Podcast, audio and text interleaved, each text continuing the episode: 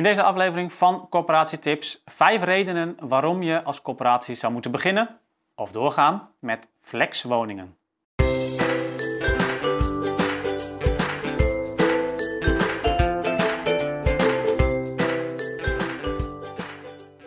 Ja, flexwonen, het is een belangrijk onderdeel van uh, de nationale strategie om uh, op korte termijn al tot meer nieuwbouw te komen. En um, ja, de vraag is natuurlijk waarom zou je daar als coöperatie ook vol op inzetten?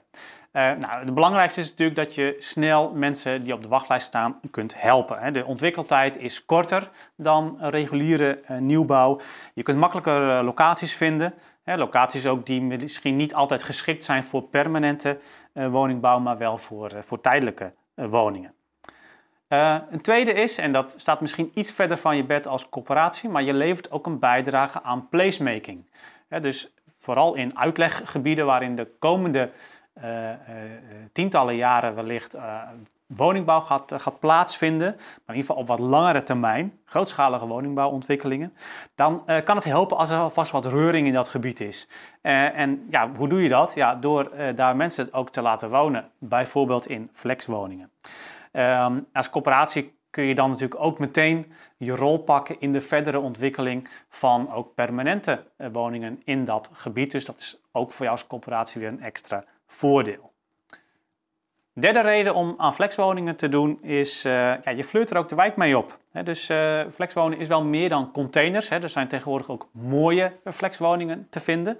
En misschien nog wel mooier dan de eindeloze rijen portiekflats en eengezinswoningen die in sommige eh, wijken eh, eh, staan, waar veel corporaties nog bezit in hebben.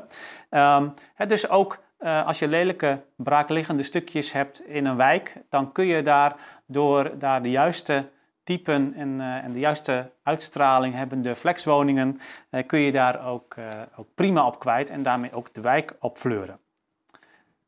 Nou, vierde reden is dat je ook echt een piek in de demografische ontwikkeling van je gebied mee kunt opvangen. Dat is niet voor iedereen misschien nu voorstelbaar, maar op termijn zijn er grote delen van het land waar ook demografische krimp voorspeld is. En ehm, als je daar nu uh, nieuwe woningen gaat bouwen die 50, 60, 70, 100 jaar staan, ja, dan is dat misschien niet het beste wat je voor dat gebied kunt doen. Uh, en ja, dan is het misschien een goede optie om nu wel de wachtlijsten op te lossen door flexwoningen, zodat je over een aantal jaren die woningen ook weer uh, kunt verkopen, zodat ze elders in Europa, elders op de wereld weer een goede bestemming kunnen krijgen. En een laatste reden die ik in dit artikel in elk geval wil noemen, waarom je met flexwoningen aan de slag zou moeten gaan, is je zorgt ook voor doorstroming. Dus um, door het bouwen van flexwoningen komen er waarschijnlijk ook op andere plekken weer permanente uh, woningen vrij, die dan weer uh, door andere woningzoekenden ook weer ingevuld kunnen worden. Dus het is niet zo, dus voor als je puur voor de doorstroming wilt bouwen, kun je natuurlijk het beste oudere woningen bouwen. Maar ook door het realiseren van flexwoningen krijg je wel degelijk, komt er doorstroming op gang en komen er weer bestaande woningen vrij voor uh, opnieuw uh, nieuwe verhuringen.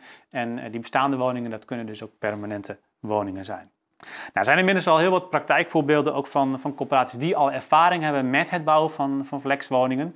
Dus je hoeft geen ontzettende early adapter te zijn als corporatie om hiermee aan de slag te gaan. Je kunt gewoon heel, heel, heel doordacht en heel betrouwbaar kun je de massa volgen en daarmee ook je bijdrage leveren aan ja, de vijf punten die ik, eh, die ik net genoemd heb.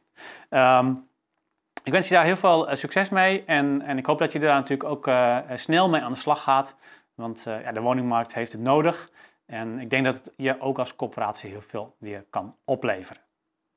Doeg!